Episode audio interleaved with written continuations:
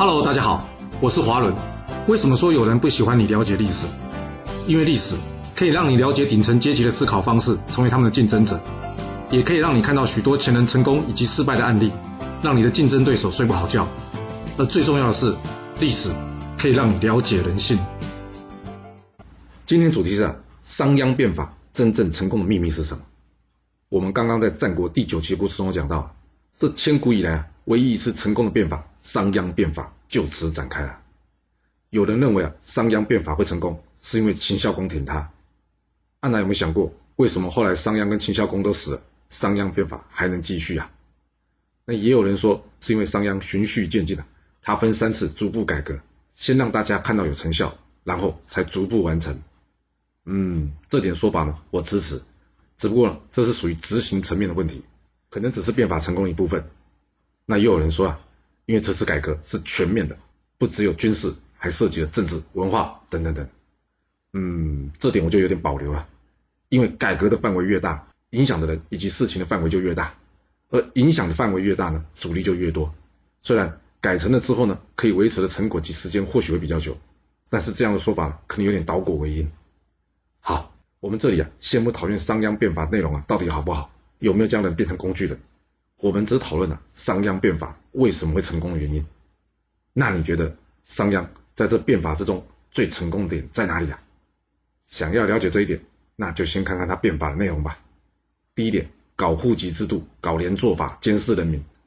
啊，要是你，你会喜欢被人家监视吗？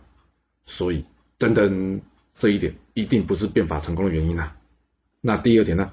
明确的奖励制度，嗯，这点有点吸引力哦。好，就先放到成功因素的候选名单当中吧。接下来第三点，废除贵族的权利，嗯，这点可能会让平民看得很爽，但是爽不见得能分享到这好处。而且呢，商鞅还有马上得罪既得利益者的问题，这点可能也不是变法成功原因。再接下来第四点，严禁私斗，嗯，讲好保障大家安全。这点应该也可以列入成功因素的候选名单当中。第五点，奖励根资，努力工作就有奖励哦，我相信大家会喜欢。这点呢，也可以列入成功因素的候选名单当中。而第六点，小家庭制度，哎，真是的，我家爱怎样就怎样，你政府还要来管到我家，我才没有人会喜欢这一点吧？那第七点呢，制定法律，嗯，这点就有点模棱两可了。毕竟有法可守，有明确的游戏规则不是坏事，但是要是法律不合时宜，则可能会阻碍进步。那这点就先暂时列入成功因素的候选名单当中吧。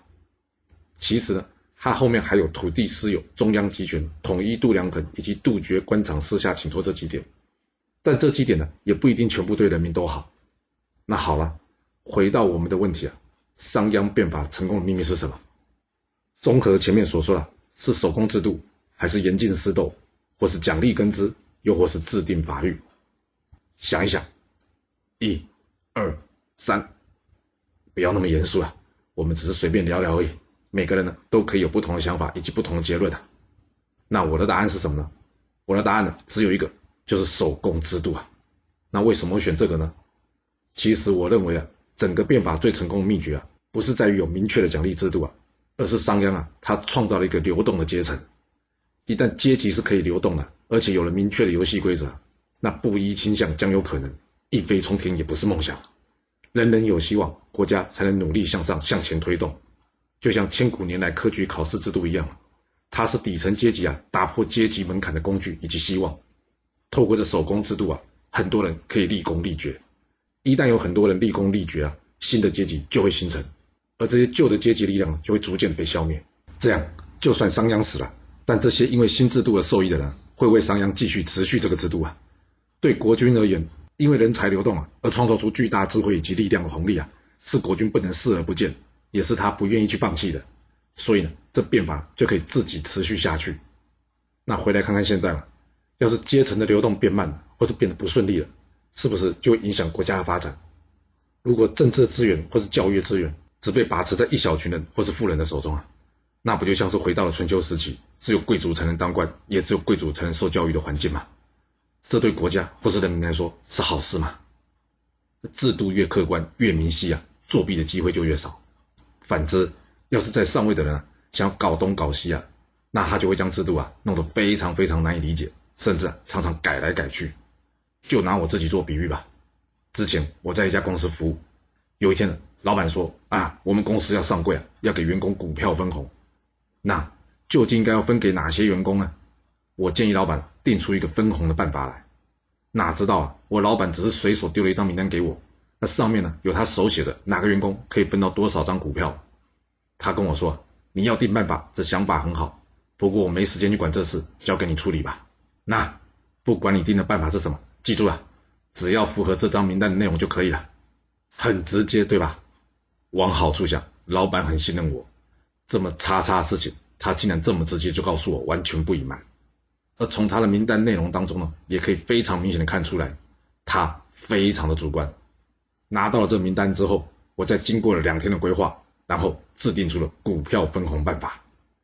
在这办法中啊，客观上只要具有一定身份或是一定绩效的呢。就可以取得配股分红，但实际上几乎没有人可以确定自己能取得配股。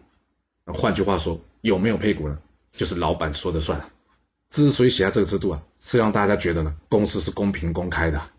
但是这个制度啊，是写给看不懂的人看的。他们越是努力研究啊，就越研究不出个所以然来。最后就在这个公平的制度下，老板进行员工配股分红啊。这件事呢，还有一个插曲啊。我记得有一位主管呢，有一天跟我一起吃午饭的时候，总有聊到，我看你这个制度很多遍了，但是啊，我就是不确定我能不能分到。然后我就问了很多人呢，哎，没想到大家答案竟然是一样的。他们答案告诉我说，直接问你就能知道自己能不能分到啊。那这分红制度不就是你说有就有，你说没就没吗？我笑着跟他说，哪有这种事啊？能分到不能分到，公司都有一定的规定的，我只是解释规定内容给大家听而已啦。对方笑着跟我说。这么有制度的开后门我还是第一次见到啊！原来啊，可以做到看似公平公正啊，但实际上却是后门大开。你算是让我开了眼界了。对方很聪明，对吧？其实生活中啊也有很多这样的案例，只是大家没有时间，也不会去注意这些。但是只要记住一个准则，那就是标准越客观越清楚，这作弊的机会就越少。一旦这标准呢是让你看不懂的。